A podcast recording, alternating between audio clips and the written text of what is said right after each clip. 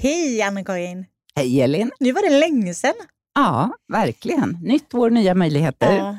Har du haft en bra jul och nyår? Absolut. Lugnt och skönt, som det ska vara. Ja, vad härligt. Mm, underbart. Du då? Ja, men det är samma här. Jag firade jul nere i, eh, i Växjö i Småland hos min familj där nere. Och eh, nyår här uppe. Men det, ja, det har varit jättefint tycker jag. Mm, det är skönt med lite ledighet. Hoppas alla lyssnare har fått vara lite lediga i alla fall. Ja. Även om det kanske inte var så många år. Äh, år. Ja, många år kan det vara. Men många dagar som det var jul i år. Det var ju bara fyra dagar egentligen. Ja, men det var Lördag, söndag, julaf- måndag, tisdag. Ja, men julafton var på en söndag. Ja, då blir det lördag, söndag, måndag, tisdag. Fyra Ja. dagar. Ja. Precis. Så att det var ju kanske inte långledigt för speciellt många, men härligt med nytt år. Vad har du för förväntningar och förhoppningar? Oh, vilken bra fråga. Jag brukar, ju, som jag berättat innan, tror jag, att jag, jag brukar ta fram ett block och sen skriver jag ner alla mina ja, men förhoppningar och lite mål inför året. Mm, vad duktig. Och så kan man liksom se lite sen vad man har kommit fram till. Mm. Både ja, med privata grejer och yrkesrelaterat. Ja, så här, jag ska vara snällare mot min man. Och... Nej, den önskar jag inte faktiskt. vad skriver du då? Ja, vad skriver jag? Men, Bara en som inte är för privat. ja, men typ att jag ska försöka ta fler beslut som är bra för mig själv. Ja, det är bra. Jag trodde du skulle säga ta fler foton. Nej, det är jag ordentligt. Det är ingen som kan ana hur många fotografier, bilder Nej, Elin har i sin... Det är över 100 000 kan jag Mm. Jag tycker jag har många, jag tror jag har 60. Så att, Det mm. är ju jättemånga också. Ja. Jag tän- Om jag tänker, jag bloggade ju innan och då blev det liksom automatiskt Ja, väldigt... precis. Men du för över dem på datorn ibland så de inte är de, försvinner? är de uppe i molnet. Ja, men då. Mm. Bra, bra. Ja, Men vad har du för, för förväntningar? Och... ja, men eh, jag ska få ännu ett barnbarn, så det ser jag fram emot det. i vår. Och eh, har fått ett till barnbarn. Så att, Så roligt. Ja, det, det, det är på löpande band nu. Så kul. Och sen så, nej men jag vill, jag känner att jag, jag mår ju väldigt bra av att träna varje dag. Jag har inte riktigt hunnit det under hösten. Så nu ska jag ta nya tag. För jag mår bäst om jag liksom tränar fem dagar i veckan. Kanske yoga tre dagar och styrketräning två dagar. Mm. Eh, Så det är mitt nya mål. Och sen så vill jag, kommer jag, jag och min man ska åka till Tokyo, tillbaka till Åh. Tokyo i det ser Tillbaka till Tokyo låter som en boktitel. Ja, tillbaka till Tokyo. Det Mm. är kanske det vår nästa bok ska Mm, heta. precis. Och så är det bara en massa beauty-tips från Tokyo. Vi måste ju åka dit. Med. Mm. Ja, du får hänga med. Ja, så det ska jag göra. Och sen ska vi åka till lite orter utanför och gå på lite spa och lite så. Så det kommer jag återkomma till. Lite beauty-tips kan jag kanske ta med mig från Åh. Japan. Men, nej, men annars, bara, vi har ju lite planer. Vi har ju lite planer ihop också. Det ska bli ska vi jättespännande. inte berätta just nu, men det Nej. kommer ni få veta sen. Det ska bli så Eh, kul. Ja, nej, men det är alltid roligt med ett nytt år tycker jag. Ja, men det är det. För, Ja. Och egentligen är det ju bara tid och man kan ju ha sina mål när som helst under året. Men det känns ju som en nystart. Ja, men också, det tycker jag också att det gör efter sommaren på något sätt. Ja, gud ja. Det, Det är ibland kan jag tycka att det är sak. ännu mer ja, då. Jag med faktiskt. Sen kan jag tycka att nyårsafton i sig själv kan vara lite uppförstorat. Jag kan tycka lite synd om många som sitter själva. Och, Och det ja, ganska få gånger som jag har haft riktigt kul på julafton om jag ska vara helt ärlig. Det är några få gånger. julafton, du har inte Nej, varit nej, snäll då? julafton har jag alltid roligt. Eller alltid bra i alla fall. Du menar Nyår tänker jag på. Ja. Ja. Vad Elin är inte nöjd med julafton. Inga julklappar. Tomten kom inte. Jo, han Nej. kom. Mm. ja, men så är det. Vi ska ju prata lite om eh, K-beauty och annat kul idag. Ja, ganska mycket faktiskt, vad som händer på den fronten. När eh, Linn kommer hit. Ja, Mm. Och innan dess så är det dags för ett litet beauty-svep. Och nu när det är eh, nytt år så tänkte jag faktiskt tipsa om någonting som du kan fixa hemma ganska billigt. För januari brukar ju vara en lite mer tråkig månad på så sätt. Du kanske har hört talas om eh, Color Correct om man använder olika kontrastfärger för att korrigera och på så sätt dölja till exempel mörka ringar eller rodnader. Mot rodnader så brukar man kunna använda concealers som drar lite åt det gröna hållet för att det korrigerar bättre rött. Och mörka ringar eller blåmärken korrigerar du bäst med någonting som går åt persikorosa. Men om man då inte har en concealer som går åt de här hållen hemma så kan du faktiskt blanda till det själv. Om du tar en liten, liten klick av till exempel ett eh, orangerött läppstift eller en ögonskugga som går lite åt grönt och blandar det med en vanlig concealer så kan du få en eh, color correct produkt som du gjort alldeles själv. Du kan bara ta och blanda lite på handen och när du väl har använt den så kan du sedan ta din foundation eller din concealer i din vanliga färg och använda ovanpå. Och det här kommer dölja ojämnheter betydligt bättre än bara en vanlig hudfärgad concealer. Lycka till!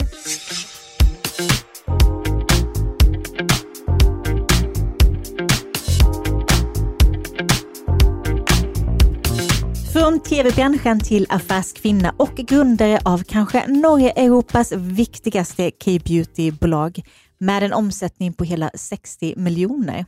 Hon är en skarp kniv i beautylådan som växlar föreläsningar med tandemhopp och thaiboxning. Välkommen till Hudvårdsdjungeln, Linn Wieler. Tack så jättemycket. Varmt välkommen. Tack. Ja, du hade en liten omväg här på morgonen, men du hamnade här till slut. Ja, jätte... Och vi är jätteglada för det. Ja, vi kan väl säga att du skulle träffat Claudia Schiffer, men du träffade oss. Jag känner man måste göra sina prioriteringar och det här var en självklar sådan. vi känner oss hedrade. Ja, mycket.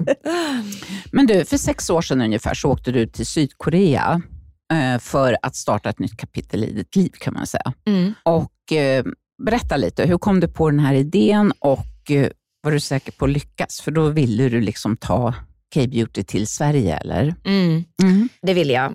Eh, och jag kände att jag var tvungen att lyckas, för då hade jag också sagt upp mig från TV4, mm. som jag då jobbade på. Så då hade man liksom, jag dragit undan mattan lite och hade inget tryggt att komma tillbaka på. Då blir man ju också väldigt mycket mer målmedveten att det måste lyckas. Mm. Så då hade jag köpt en plattform som hette Bonnie Bonnie som var en av de första som sålde koreansk skönhetsvård. Och på den tiden hade de fyra varumärken när jag köpte den plattformen. Och hur länge hade den funnits då?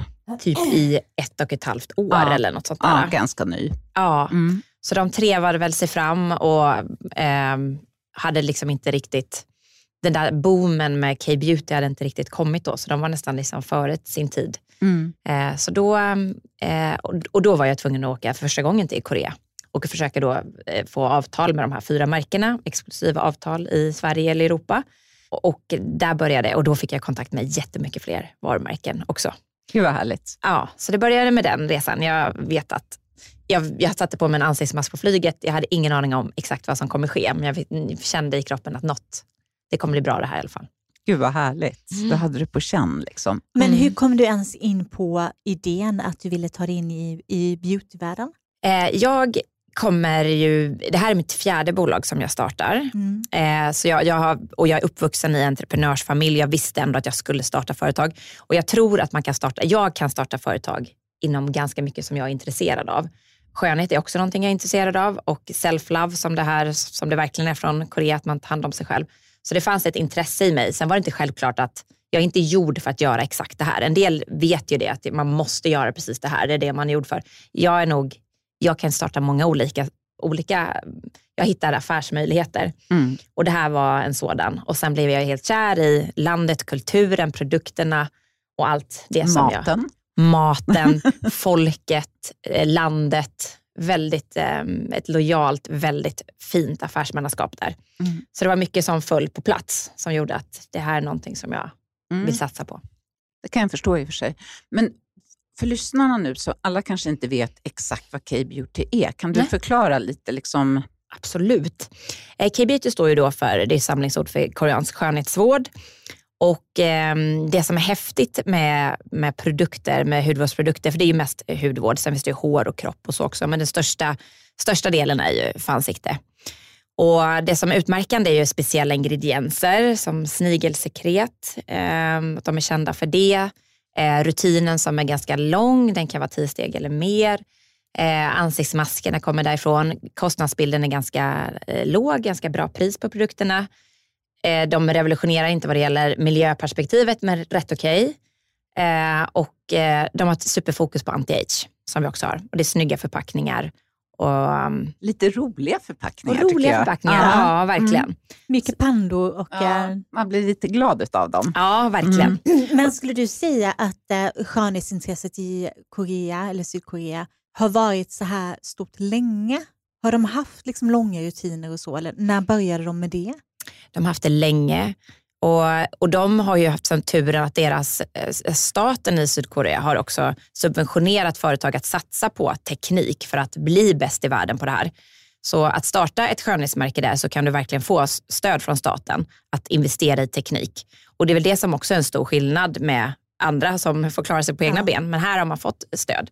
Så då har man jättebra, modern eh, utrustning och teknik att framställa och få fram mer ingredienser ur varje, ja, mer, formula, mer formula ur varje ingrediens helt enkelt. Och det här det går bra. tillbaks lång tid Så tillbaka. Ja, ja, Det är riktigt bra. Men mm. hur skulle du säga annars att affärsklimatet är i Korea idag? Eh, det är ju verkligen absolut hierarkiskt och så. Ehm, och därför har det väldigt kul att vara kvinna där. Och jag har ju tyckt att det var fantastiskt. För att allt, du kan aldrig säga där, den här är återfuktande om det inte finns i princip någon klinisk test på att det verkligen är så. Så det finns dokument för allt. Och det känns som alla där är jättenoggranna. Det är inga som föds utan. Det känns som allt är ganska ordningsamt och man har koll på mycket, vilket gör det mycket lättare för oss att jobba med, med företag där. Mm. Så ehm, ja, med företagsklimatet har jag upplevt eh, väldigt eh, bra. De gillar verkligen svenskar också. Vi är mm. det perfekta landet och vi är snyggast, eh, mår bäst och allting i deras ögon. Ja, perfekt. Så vad svensk där. Redan där var du på plus. Liksom. Japp. Underbart. Men vad, vilken plats tycker du att eh, K-beauty har idag? Vi vet ju att det var väldigt stort kanske för fem sex år sedan, men hur tycker du att det ser ut idag? Ja, eh, då var det väldigt stort och då blev det ju liksom en, en supertrend och då vet man inte, kommer det fortsätta så här eller förhoppningsvis så blir det så en etablerad eh, del på vår skönhetskarta. Och det blev det ju. Eh, men nu har det ju tagit en sving igen. Så nu är det, ja, men ju... det känns ju lite så. Mm, verkligen. Vad tror du det beror på? Är det någon specifik produkt som har kommit in eller är det liksom en ny generation som har kommit som tycker att det här är spännande och kul? Eller vad tycker Men du? bra saker kommer alltid finnas för alltid. Så ja. att jag, ju mer som har upptäckt det och blir nöjd med sitt resultat. Det är ju det allting handlar om. Blir man nöjd så fortsätter man köpa det, man rekommenderar andra. Mm. Är det bara en liten fluga och man är så här, ah, det finns annat, då blir det ju bara en fluga och det försvinner. Så här är ju uppenbarligen många som har blivit det så frälsta som jag, att man tycker det är bra. Mm. Och sen har de varit jättesnabba med jättekola nya märken. De är jätteduktiga med att få ut det på TikTok och andra sociala medier. Precis vad det jag tänkte. Där mm. måste ni ha en jättearena. Ja, verkligen. Så mm. nu har vi öppnat ett kontor i Seoul för att vi förstår, när vi började för sex sju år sedan, då åkte man ju dit, man förhandlade, det tog tid, alltså man hade ingen riktig sån här stress ändå. Man jobbade med långa avtal, vi ska jobba med varandra länge. Nu är det stort på TikTok, nu måste jag ha märket imorgon. Så nu finns inte den där startsträckan och det finns så himla många som vill ha märken också. Så nu, nu är det en helt annan konkurrens. Mm. Så nu har vi två personer som vi faktiskt har anställt från en av de märkena som vi jobbade med. Så har vi nu tagit över dem till oss och så har öppnat ett kontor där. Spännande. Men skulle du säga att många Key-beauty-märken är väldigt lika varandra? Eller är det lätt för dig att hitta de som mer ja, men särskiljer sig? Mm. Eh, jag skulle säga att det finns nog ganska många som är ganska lika varandra. Nu har vi så många olika kunder så vi försöker hitta ett lite högre prissegment och, som sticker ut där och ett annat segment på andra sidan. Så vi mm. försöker i våra 30 ja. varumärken ha en bredd. Som, eh, men fortfarande, och, och, så är det ju alltid, vi vill ju att något ska sticka ut av någon anledning. Så att det ska ju finnas någon USP med varje varumärke så man ja. inte tar in exakt två likadana för då konkurrerar de ut med varandra. Men absolut, det finns ganska många som vill, vill åt samma målgrupp. Mm. Men vad tycker du annars skiljer Scandi Beauty mot eh, K-beauty idag? Um, det finns mycket mer, eller rutinen såklart uh, sticker ju ut och man uh, jobbar mer kanske med gelformuleringar i Korea, lite lättare och det, i och med att det är lager på lager så finns det ganska många lätta produkter. Eh, så det sticker väl ut och eh, priset sticker ut. Det är lite billigare också. Mm. Och mm, ja, det skulle jag säga. Ja. En helt annan sak som jag kom på, djurförsök, hur är det med det i Korea? Nej, nej absolut inte. Nej, vad Nej. bra. Mm. Mm. Så Så det skulle vi aldrig jobba med Kina? annars. Nej, Nej, verkligen inte. vad skönt. Ja, nej, men jag det hade hade tänkt på det förut, men jag kom på det nu. Ja. Ja. Jag tänker också, nu kommer jag på en helt annan fråga, men jag tänker att just i um, syd, Sydostasien, säger man va? va? Mm. Ehm, så är det mycket stort fokus på pigmenteringar, eftersom Mm. den typen av hy lättare får pigmenteringar. Mm. Tycker du att det är många ämnen där som eh, de använder sig av som inte funkar i Europa? Jag tänker om det till exempel är väldigt starkt blekande produkter och sånt som du inte har kunnat ta in. Mm. Som inte är godkända. Ja, som inte är godkända i, i Ja, och de skulle nog kunna vara godkända, men den, jag skulle inte tro att den efterfrågan skulle finnas här, utan då är det i så fall för eh, liksom ärrbildning, att man vill bleka eh, ärr eller så. Så då har vi några märken som absolut har det Mm. också. Men, men de har ju det självklart i sin rutin. De tar vi ju inte in. Så det finns ju några saker som, som vi får som välja. inte funkar här. Liksom. Nej. Ja, precis. som är deras bästsäljande och det är ju för att de säljer till Kina eller någon annanstans där man också tycker det är viktigt att, att bleka sin hud. Ja. Så Mm. de är så här, det här är ju nummer ett. Jo men inte för oss. Nej. Vi vill vara bruna. Så att vi. Ja. vi, kör, vi kommer inte ta dem. Nej. Men du upplever inte att det är många ämnen som är förbjudna inom EU i de produkterna? Även, även de ni inte köper in? Jo lite är det ju Ja. det. Och hästolja har ju varit en sån ingrediens som absolut inte godkänns heller. Så det finns ju vissa som inte så här, det- men det tar vi inte in. Så Nej. man får ju verkligen, Kolla, Kolla igenom. Ja. Mm. ja. Det måste vara ett jättejobb, tänker jag. Ja, det, ja. det måste det faktiskt vara. Ja. ja, men, ja. Men tycker du att, eh, annars, hur tänker koreanerna runt hållbarhet? Du var ju lite inne på det, men liksom om man tänker i det stora hela, med Mm. förpackningar och med återvinning och allt sånt där. Mm. Ehm, jag tror att de är bättre än branschen, men absolut, jag tycker hela branschen är ganska långsam ändå. Vi gjorde någon studie nu att eh, 71 procent av alla efterfrågar det när man själv köper. Att det ska ligga i linje med vad man själv värderar utifrån att vi har en brinnande planet. Eh, så jag tycker lite, och vissa kunder som vi jobbar med, de ställer ju krav på oss att det ska vara mindre paket och mindre plast och så. Men den rör sig väldigt långsamt. Så därför tycker jag det vi, det vi kan påverka mest är ju vårt egna varumärke. Mm. Det är ju 100% klimatneutraliserat. Vi betalar tillbaka allting som vi har släppt ut. Maskerna är återvinningsbara, både eh, paketet och innehållet. Så där försöker vi ju vara, göra lite bättre. Vi är ändå en ganska liten entreprenör här, men vi försöker, det vi kan påverka är ju mest vårt egna. Eh, och sen försöker vi jobba med frakt som är jättejobbigt via tåg och båt istället för att köra flyg. Eh, men det tar också 70 dagar eller 50 dagar istället för flyg som tar 6 dagar. Så det är ju svårplanerat Ja. med det här. Man kan ju inte heller vara utan produkter i 50 dagar. Nej, det går inte. Så det är ju jättemycket hjärta och hjärna här. Vi vill ju absolut hellre göra det och gör det. Vi hade ett mål att vi skulle bara jobba med det eh, det här året och det har vi inte lyckats med. Men vi försöker verkligen. Mm. Ja, och det, det är ju en bra början, för det kan ju också ge ringar på vattnet till andra företag, tänker jag. Verkligen. Ja. Men det, är skulle vara kanon om kunder också sa vi tillåter inte plast eller så här, de här förpackningarna tillåter vi inte. Då Precis. måste vi ju. Nu har vi förstått att kunderna ändå vill. Mm. De, de vill. Och de, har velat länge. de har velat länge. Och varför kan inte de vara de större spelarna och också vilja förändra planeten? Mm. Alla har väl Ja. barn och, eh, och liksom vill förändra planeten till någonting bättre. Absolut. Ja, ofta känns det ju bara som att de allra största spelarna kommer in när det är dags för lite greenwashing och, Ja, Mm. ja men verkligen. och det verkligen. känns så tråkigt. jag tror faktiskt har ja, men Och lite för genomskinligt också Ja. på något sätt. Ja. Eller hur? ja, och sen vet jag inte hur många som har hållbarhetschefer på de här stora bolagen heller. Hur, vad är det? Hur mycket fokus ligger det på den här frågan? När, och när ska man ha det och tänka på de här sakerna om Mm. inte nu? När Mm. klimatet är som Ja, det, det- är och så. Ja. Hög tid kan vi säga. Konsumtion är liksom omodernt. Det krävs lite andra värden tycker jag för att Ja, vara det gör det. ett modernt moderbolag. Mm. Men nu har vi pratat ganska mycket om de här ja, men olika utmaningarna. Men jag tänker en annan utmaning kan ju faktiskt vara det här, just att ni säljer till 18 andra länder. Vad finns det för utmaningar inom det? Hur lång tid har vi? eh, ja, men det finns vi säljer till Turkiet. Där måste vi öppna ett eget lager. Vi skickar ju nu från Estland Jaha. och så vidare. Där är våran hubb där vi har alla varor. Så det finns ju, och att jag skulle inte kunna sälja till någon i Turkiet. Vi behöver ha en person där. Så det finns ju bara utmaningar att man måste ha en lokal person som känner marknaden. Mm. Mm. Eh, och sen hur man fraktar också. Och det ska också eh, göras på relativt bra sätt då, så klimatnära som möjligt. Eh, så det och sen har man ju olika behov om man efterfrågar där versus här och så. Mm. Eh, så efterfrågan ser också olika ut. Så man kan, man kan köpa ett stort lager och tro att det ska passa precis alla.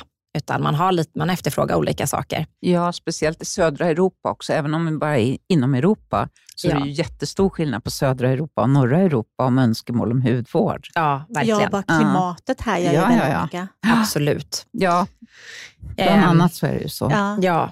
Men är det någon mer marknad du skulle vilja komma in på? Eh, USA är vi inte inne på till exempel, så det kollar vi på. Det vill vi verkligen. Så mitt mål är ju Tyskland, så där är jag nu ganska mycket. Mm. Men nästa steg är, är till exempel eh, ja, USA. Spännande. Mm. Det är ingen liten marknad heller. Nej, Och hur ser det ut där med K-beauty idag? jättestort. Ja, det är det. Mm. Ja. Så det, Men inte mättat då eftersom ni vill komma in. eh, nej, och i och med att vi ser också att nu att det blir en, en second wave här, att det är Mm. en ny trend som, som känns. Och, och även om att vi har varit lite, nu har vi en lågkonjunktur och så vidare, så ser man att den här typen av produkten som har ett lägre pris lyckas ganska bra. Mm. Eh, Man har råd med det och man unnar sig det. Så då tänker vi att det är absolut inte mattat. Däremot kanske lite svårare. Hade det varit för sex år sedan så hade det ju varit mycket färre partners att eh, jobba med Ja, där. precis. En helt annan fråga. Vad, vad ser du trendar nu liksom, i K-beauty? Vad är det liksom roligaste och nyaste på marknaden? Ja, mycket där är ju också AI, att eh, man försöker jobba med liksom, health tech eh, där också. Eh, jag såg att någon, någon, men nu kan du skicka in en, en bild på dig själv och sen, eh, eller alltifrån också att man kan testa sin hudton hemma och så skickar man tillbaka testet och så får man en analys och sen utifrån det eh, alternativ. Så lite mer också att man går lite till teknik för att man har väldigt personifierat Mm.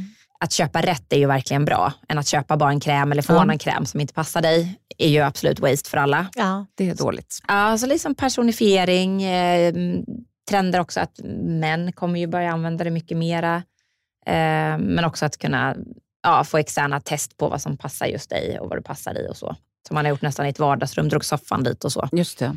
Men, men jag tänker hemmaapparatur för liksom, Precis vad jag skulle fråga. ja, eh, Mm. är det stort inom, inom K-beauty? Alltså mikroström, radiofrekvens för hemmabruk? Ja, det skulle jag säga. Mm. De ligger ganska mycket i framkant Ja. där också. Ja. Ehm, Vad ser du komma där? Ja, men där testar de mycket. I och med att de är ett teknikburet land så ligger de ju ganska långt fram Mm. i teknik Mm. med, med, på alla möjliga sätt. Men just den här personifieringen också. Att, Mm. pa- att eh, verkligen ha någonting som passar just dig. Mm. Det jobbar de väldigt mycket på med, med all, alla olika produkter. Så generellt så ligger de ganska fram, långt fram Mm. vad det gäller. Men det är inte något specifikt som du ser komma? Liksom. Mikroströmmen och radiofrekvensen, den har vi ju haft här ett tag nu för hemmabruk. Men Ja. Kan du se något annat? Någon liten snäll laser eller? Jag vet inte. Alltså det- något annat man kan få önska sig? Ja, det, är- det är ju ett land som lägger, lägger ganska mycket på att ta hand om sig själv och, det Mm. är, och väldigt rädda för eh, rynkor och så vidare. Mm. Så det, Men det är inget specifikt som är hypat nu inom Nej, nej hemmaapparatur? inget, inte som jag Nej, precis ska komma nej, på. Nej, jag förstår. Så. Nej, det är svårt. Ja.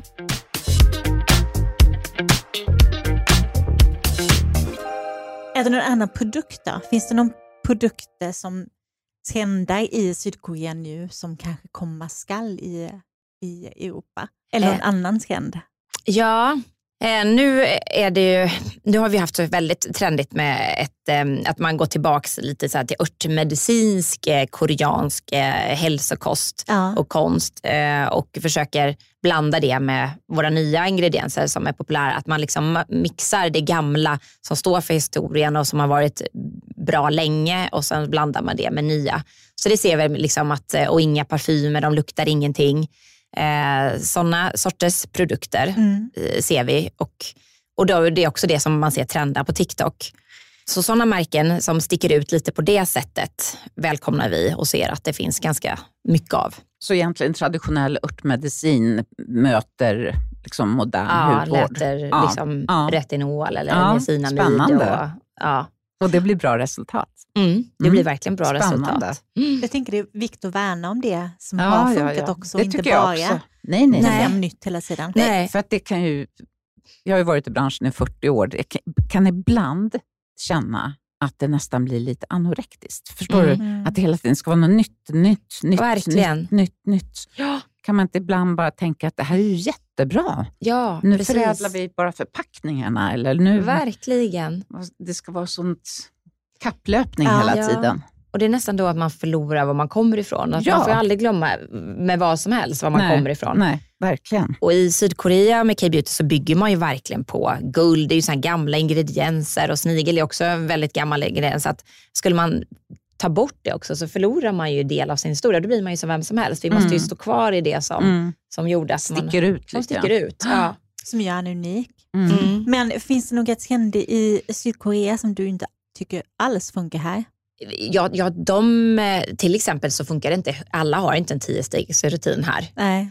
Eh, vi, vi, har, eh, vi, vi har saker att göra så att vi känner att vi inte kan unna oss den tiden. Jag tror inte jättemånga har en rutin som börjar med en kopp te som värmer upp kroppen inifrån som man, eh, och avslutar på kvällen på samma sätt. Så vissa av de sakerna som är väldigt fina att värna om, för det är ju en kram till sig själv och sen Mm. det lägger man ytterligare och liksom, det finns någon form av omhändertagande. Jag gör ju detta för att det är ett omhändertagande. Kan vi vara, ge varandra lite, oss själva lite self-love så kommer jag ge det till dig när jag träffar dig, vice versa, du ger det till någon annan. Vi, vi sprider något Mm. form av eh, någon form av att man tycker om sig själv. Man ska ändå leva med sig själv hela livet. Helt sant. Jag Så det- älskar det tänket. Ja. Ja, och det är ganska härligt än att bara tänka minimera rynkorna, utan här är det liksom någon Mm. form av omhändertagande som jag gillar. Men det är med inte sagt att alla har anammat det. Eh, och jag själv också har svårt att göra det varenda morgon, vakna kroppen med en kopp te. Men det är en fin rutin som man har där och där har man ju en speciell plats där. Här gör jag min rutin och det är väldigt viktigt för, för mig.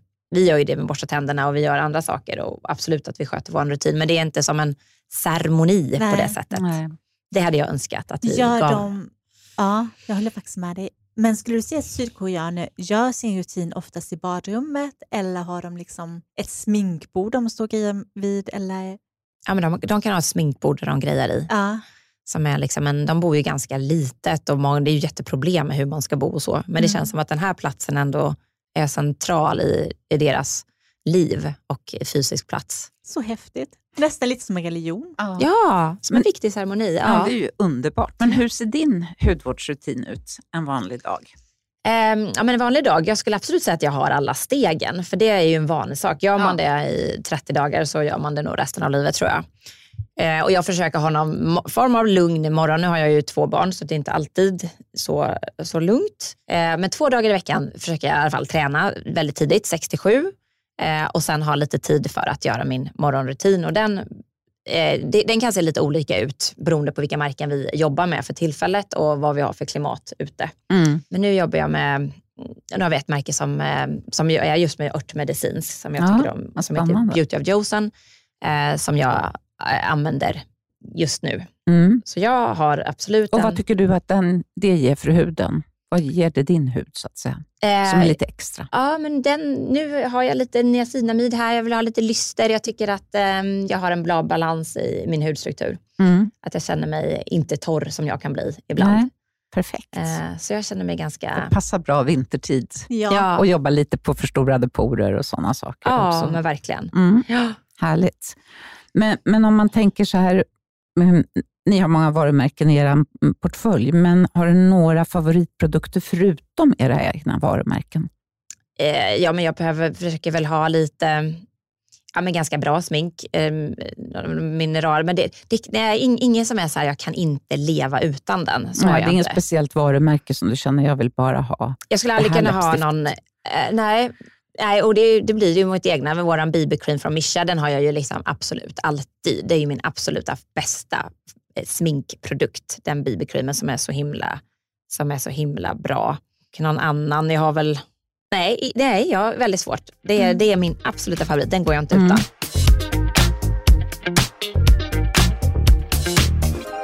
Jag måste bara gå tillbaka till K-beauty och eh, rutin. För det, man säger ofta att sydkoreanerna kan ha sådär om en 17-18 steg också. Mm.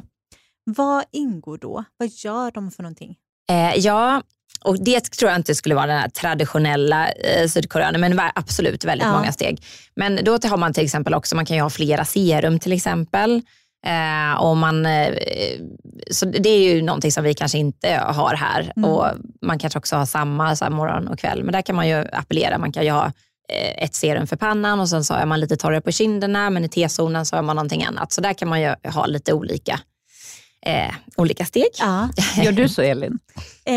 Och just nu så håller jag ännu på med Swedish Beauty Awards i juryn, så då Ja. blir det ju väldigt patriellt med alla produkter. Jag gör faktiskt så. Jag tycker det är jag lite gör också kul. det, Ja, Anna. det är det. Ja. faktiskt. Jag har liksom elixir, niacinamid till exempel på näsa, haka, panna och så Ja. har jag hyaluronsyrap på, på kinderna och så kanske jag har en ansiktsolja på halsen. Ja, Ja, Ja. där man behöver det. ja, så Mm. det kan nog ha tre olika serum. Ja, Ja. men det, det ansiktet. kan nog faktiskt jag också. Ja, Ja. Men gud vad härligt. Men ni, ja. vi är Och- nördar. Ja, men ni är ju nördar och proffsen verkligen. Så ni, ni skulle väl nästan kunna ha 17 steg också? Ja, inte helt omöjligt. Nej. hur många steg har ni? Oj, vad Nej, men jag har inte jättemånga. Jag kanske har fyra, fem. Mm. Mm. Fyra i alla fall. Och vad är det som du absolut inte skulle ta bort? Ja, det är ju fuktkrämen. Ja, det är fruktansvärt. Ja, Mm. det sista. Serum är ju också, Ja. alltså det är ett riktigt bra serum. Mm. Det gör ju skillnad på huden. Gud, ja. Mm. Ja. Och solskyddet om Mm. det är sådana dagar. Inte så precis. som du är ute idag. Men Nej. Nej. Nej, precis. Nej, men det är väl också... Och rengöringen är ju också PT med. Men absolut att jag kan ha fler. Och ibland tar jag också essens och pre-serum. Och, Essens älskar jag, speciellt till natten. ja. Ja. Men det är ju någon sån som inte, som inte alla använder. Men när man Nej. väl börjar testa det så blir man ganska frälst i det där också, att man inte kan vara utan det. Precis. Men är det en sån grej som ni inte skulle kunna vara utan? Jo, det skulle jag göra. Det är mer att Mm. jag tycker att det är bra, men Mm. ingenting som är sådär att jag måste, måste. Då är det Nej. nog ja, men krämen, en barriärstärkande ansiktskräm. Som är, Ja. Och ett riktigt Mm. bra serum. ja. Mm. Ja. För dig då? Ja men absolut, att det, det är ju ingenting. Men jag skulle inte heller vilja lägga på en, eller, eller krämen absolut, det Mm. går man ju inte utan. Och sen en riktig, och också en rengöring, att inte lägga Ja. på när man inte är Nej. riktigt ren. Nej. Men sen är toner också en sån eh, produkt som, är, som jag heller också är ganska frälst i. Mm. Så Tar du den- både toner och essens? Ja det gör jag. Mm. Mm. Det gör jag, absolut. Och sen är det jättehärligt att börja, och, och det är ju det är ju också en trend i Korea att man, eh, att man liksom plampar in de eh, vätskedrivna och när de blir lite tjockare så masserar man. Eh, och det tycker jag också är härligt att lägga Ja. in det i rutinen, att man har en liten ett massagesteg. Perfekt. Ja, det håller jag med om. Mm. Ja, Hur man applicerar produkterna är också viktigt och inte Mm. bara att man nej, tjoffar på dem. nej precis. Nej.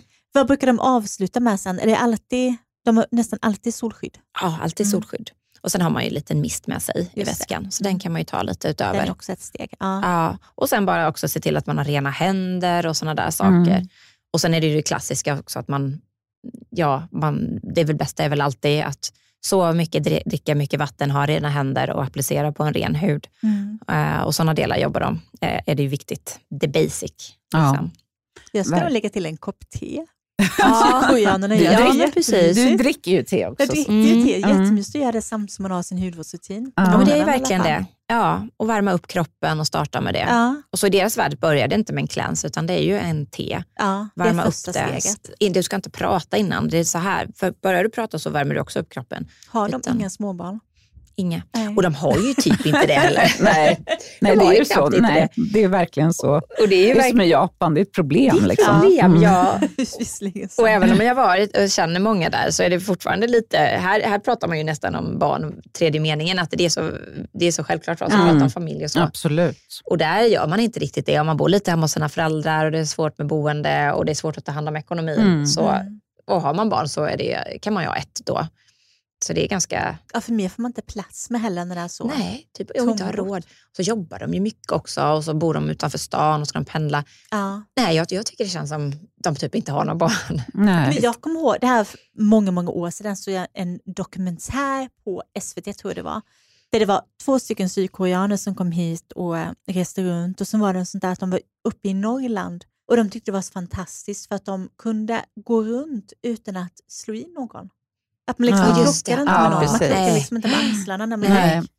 Jag kände bara, vad, vad hemskt. Mm. Det gör ju inte vi Nej, i centrala Stockholm Nej. heller. Nej. verkligen. Nej. Och eh, vad, gud vad roligt att du sa det, för jag hade, jag hade två stycken som, eh, från Mischa som var och hälsade på. Ja. Och de också så här, men vad, vad, är, vad är alla människor? Mm. Och då är vi mitt så här, i centrala Stockholm. Mm. De bara, Mm. men vad, vad, är, vad är alla? Är, är det någon helgdag eller vad är alla? Mm. Man tyck, de tycker att det är helt fascinerande. Ja, verkligen. Ja, så är det ju verkligen. Ja. Men du, om man, tänker, om man bortser då från hudvården in, inom den koreanska rutinen, mm. eh, hur liksom, jobbar man lika mycket med sitt hår? Mm. För det känner jag att vi i Sverige har börjat göra. Ja. Eh, att vi liksom har många, många fler steg. Att vi har ett serum för hårbotten, att vi har ett serum för håravfall, att vi kanske blandar. Alltså det, alltså, hårvården har ju blivit den nya hudvården känner jag. Ja, är verkligen. det detsamma i Korea? Eh, det är nog inte detsamma. Eh, och vi har ju efterfrågat, först började man i hudvården och sen så, så började vi sälja makeup och, så nu är det, och, och sen började med kropp och så nu är det hår. Så det finns absolut bra produkter för håret och eh, skalp och hårbotten mm. och så. Så det finns produkter med det. Men det och, och det skulle jag nog säga kommer. Men de är storheten för är ju hudvården. Mm. Så det, det, det, går, det, går inte, det är inte på samma nivå. Nej, men det är ändå lite i liksom startgroparna. Absolut. Ja, ja, ja. ja men det, det är det absolut. Mm. Och absolut att det är ju hud under håret också. Det är det i allra högsta grad. och har någonting i schampo som sen rinner ner på kroppen mm, ja. eh, så finns det ju ett tänk där också. Mm. mm. Men det kanske också beror på, jag tänker också klimatet och sådär. Att här i, om i Skandinavien så har vi väldigt mycket hårbottenproblem. Mm. Och det kanske man heller inte har i Sydkorea.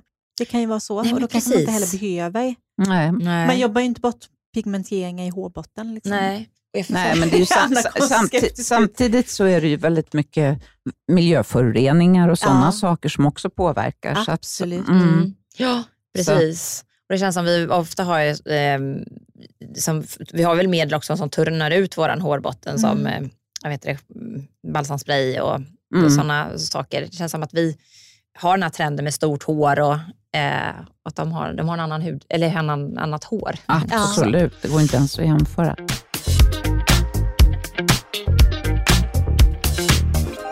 Men om vi ska prata om något helt annat. Mm. Du föreläser och uppmuntrar kvinnor, har jag förstått, mm. att våga ta steget och bli entreprenörer. Mm. Jag Berätta. Ja, och jag, det här är ju en, en ny eh, glädjeklump i min, min kropp för jag tycker det här är väldigt roligt. Så jag, dels att jag är, eh, jag, jag, eh, nej men jag vill jobba med att hjälpa och absolut kvinnor men också alla som vill starta företag mm. faktiskt. Jag tycker det det är mellan 18 till 29 så det är 51, person, 51 procent som vill starta och det är bara en, en bråkdel som gör det. Så det är någon anledning till att vi inte följer våra drömmar. Mm. Och det finns massa anledningar. Har man 100 miljoner på banken och sen startar, det är en risk. Men har man noll kronor så är det en ännu större risk. Mm. Så det finns ju absolut anledningar till att man är rädd. Men den största av alla anledningar till att vi, varför vi inte gör det, det är att vi är så rädda för att misslyckas i Sverige. Vi är rädda för vad grannen tycker och vågar jag och så här, självkänslan kan få sig en törn. Så av alla anledningar som finns så tycker jag att den kan man ju ta tag i själv. Varför ja. är jag så mån och varför är jag så rädd för det? Mm. Så det tycker jag är ganska spännande att, ähm, att faktiskt reflektera över. Och vad är min trigger för trygghet? Vad behöver jag för att ta det här steget? Så kan man börja jobba med de där små demonerna som alla har. Eh, så det tycker jag är väldigt spännande att se hur man kan komma över dem mm. och faktiskt hamna på andra sidan och få äga sin tid och sitt, eh, sin tillvaro, mm. om det är det man brinner, brinner för. Ja, men precis. Och Sen har jag hört dig vid något tillfälle prata om att visualisering är väldigt viktigt för dig. Mm. Hur gör du själv när du visualiserar? Det är ett, eh, ett som är ett ganska tydligt exempel. Då, det kommer, jag har alltid nog gjort det. Eh, men då var jag, när jag började på TV4 så jobbade jag som säljare där. Då så vill, det finns en, en övergripande Bonnier eh, Sales Award. Man vill bli årets säljare i Bonnier. Och det började med att jag satte en liten lapp, typ var en vanlig lapp bakom en tavla som jag hängde på väggen där det stod att Linda har vunnit. Eh, och då var jag kanske inte så kaxig att den vågade vara på framsidan så alla såg den. Men jag såg den. Jag visste att den var bakom den där tavlan. Så för mig, när jag gick förbi den så fick jag liksom en känsla av att det är det jag går mot. Jag kommer göra det. Så jag såg det framför mig hur jag vann det. Så det är en sån här visualisering. Vi, eh, och jag tycker ser man någonting och så går du på lunchen så var det sista du såg så var det att vi, vi hade våra mål på väggen. Då tar man lite med sig det ut än att det ska ligga ett Excel-ark som man aldrig hittar var det är någonstans. Eh, så jag tror att bär man med sig det så kommer jag när jag träffar dig så kommer jag ha det top of mind, prata om det, utstråla det och sen le lever jag det. Mm. Eh, så för mig blir det som ett sätt för mig att En ledstjärna liksom? Ja, och så berätta för mig själv vad som är viktigt. man har ju tusen saker, mejlen är full med saker, men det finns alltid någonting som är viktigare än någonting Mm. annat. Mm. Och det är det jag tror man utstrålar om man sätter upp det viktigaste Mm. där. Barnen Så behöver man ju klokt. inte sätta upp, för de har man ju med sig och Ja, familj och sådana saker. Men, Men eh, yrkesmässigt Mm. eller person, inom personlig utveckling. Och, ja, liksom det kan stå att man eh, har kul också, eller liksom saker som man bara vill påminna sig om att ja. jag måste tänka lite på det där. Och så tänker man lite mer på det där. Och så skruvar man lite på sitt sätt att vara. Men jag tänker på en helt annan sak. Du, du berättar ju initialt att du kommer från en entreprenörsfamilj. Mm. Tror du att det är så att vissa människor föds med en entreprenörsådra? För man ser ju det i vissa släkter. Där är Mm. man ju bara tjänstemän, där jobbar vi mycket inom sjukvården, men där, Mm. där är vi jättemånga entreprenörer. Mm. Det är ju lättare för då vet man ju vad det handlar om. Mm. Och har man föräldrar som är lärare så är det ju lättare, man vet vad det handlar om. Mm. Det är ju alltid lite tryggare, det Självklart. steget är ju, så, Mm. så den finns ju naturligtvis. Eh, så det, det tror jag.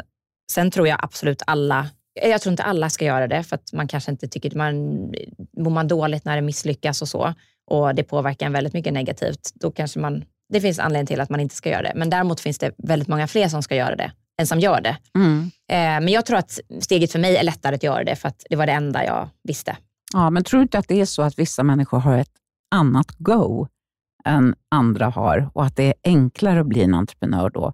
Om du inte är rädd för att ha en 18 timmars dag och om du inte är rädd för att jobba på helgen, tror du inte Mm. att det blir lite enklare då att Mm. bli en riktigt bra entreprenör? Kanske, men då kanske man är uppväxt med en, en, eh, en mamma som är lärare som, var, som verkligen vågade sticka ut på den arenan. Mm. Då visade hon ju också mod på att hon vågade. Ja, så precis. har man, eh, har man fått lära sig Mm. våga och tro på sig själv Mm. och så, Mm. så tror jag att det kan finnas i alla olika Gud vad härligt att eh, höra. grupper. Ja. Ja. det tror jag. För annars tycker jag att det blir så väldigt typiskt att man Ja. ser i vissa släkter att Mm. här är det många som har varit entreprenörer och här är det typ ingen som har Nej. varit det. Sen kan det ju bli vice versa. Jag är uppvuxen i en entreprenörsfamilj, men där jobbar man ju på den tiden, alla vi i familjen jobbade i bolaget och man jobbade i timmar hela tiden. Man jobbar ju dygnet runt. Mm. Nu, eh, nu jobbar jag ju här, jag pratar om det här nu, nu har jag varit på föreläst, om man är på nätverk och så, då jobbar man ju också. Men så jobbade ju inte min pappa direkt. Han satt ju bara vid datorn och hade ganska mycket sång, söndagsångest. Mm.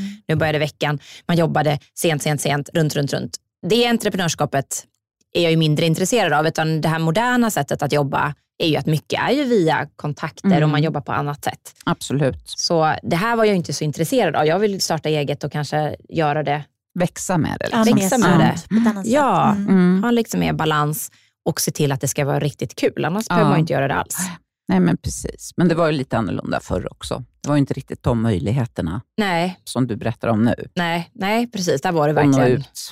Vi åkte hem från en semester när vi tappade en affär. Alltså då är Ja. ju, man Ja. levde, när det var kul så var det kul och så var det dåligt så var det Ja. riktigt dåligt. Fick vara med om svängarna. Ja. Men jag tänkte på det, eh, har, har du under, du måste ju också få liksom, energi någonstans ifrån. Du håller föreläsningar. Är du mentor för någon också eller?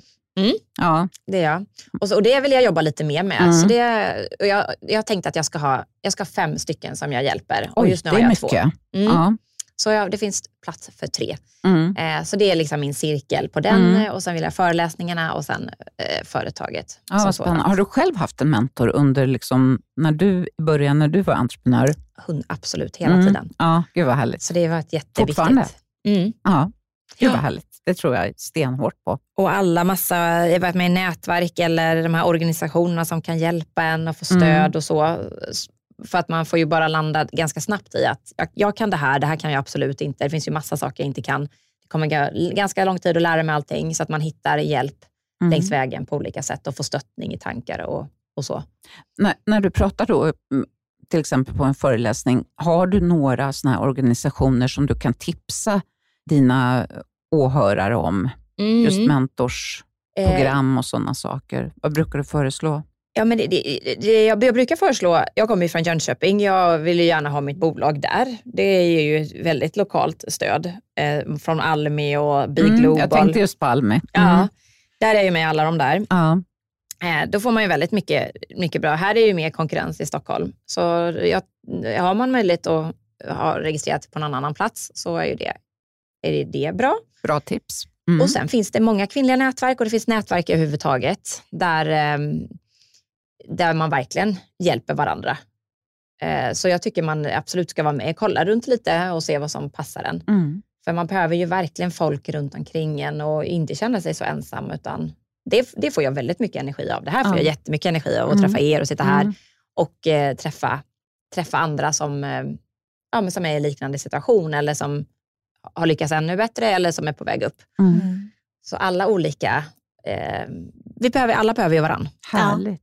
Vad är din största framtidsdröm? Det, det, det viktigaste är att fortsätta ha kul. Det, utan det så vill jag, då är det inte så mycket mer att göra. Men jag vill att vårt varumärke ska komma ut ännu mera, att vi kan lyckas liksom eh, ändra lite tänket på det vi pratar om, klimatsmarta alternativ som eh, inte förändrar, revolutionerar, men lite för att göra den, morgondagen lite bättre. Så det är min vision att komma ut mera eh, med, de, med de värdena. Härligt.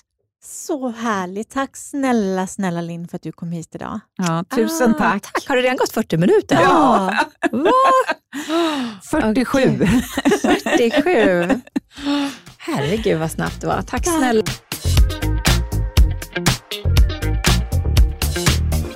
Åh, vilket spännande avsnitt. Ja, så inspirerande. Ja, verkligen. verkligen. En riktig entreprenör är Linn. Och så har vi en liten rättelse. Hennes bolag som vi påstod omsätter 60 miljoner omsätter faktiskt 75 miljoner i dagsläget per Helt år. galet. Det är hårt siffror. arbete. Ja men verkligen. Och sen tror jag också en eh, knivskarp hjärna bakom. Ja, absolut. Och mycket jobb såklart. Nu blir man ju efter det här med allt prat om Sydkorea lite sugen på bibimbap. Ja? Mm, Absolut. mm, jag tror det. Framförallt är jag lite hungrig. Ja. Men vi börjar med att säga tack för att ni lyssnar. Fortsätt gärna att lyssna på Hudvårdsdjungeln och dela med era vänner.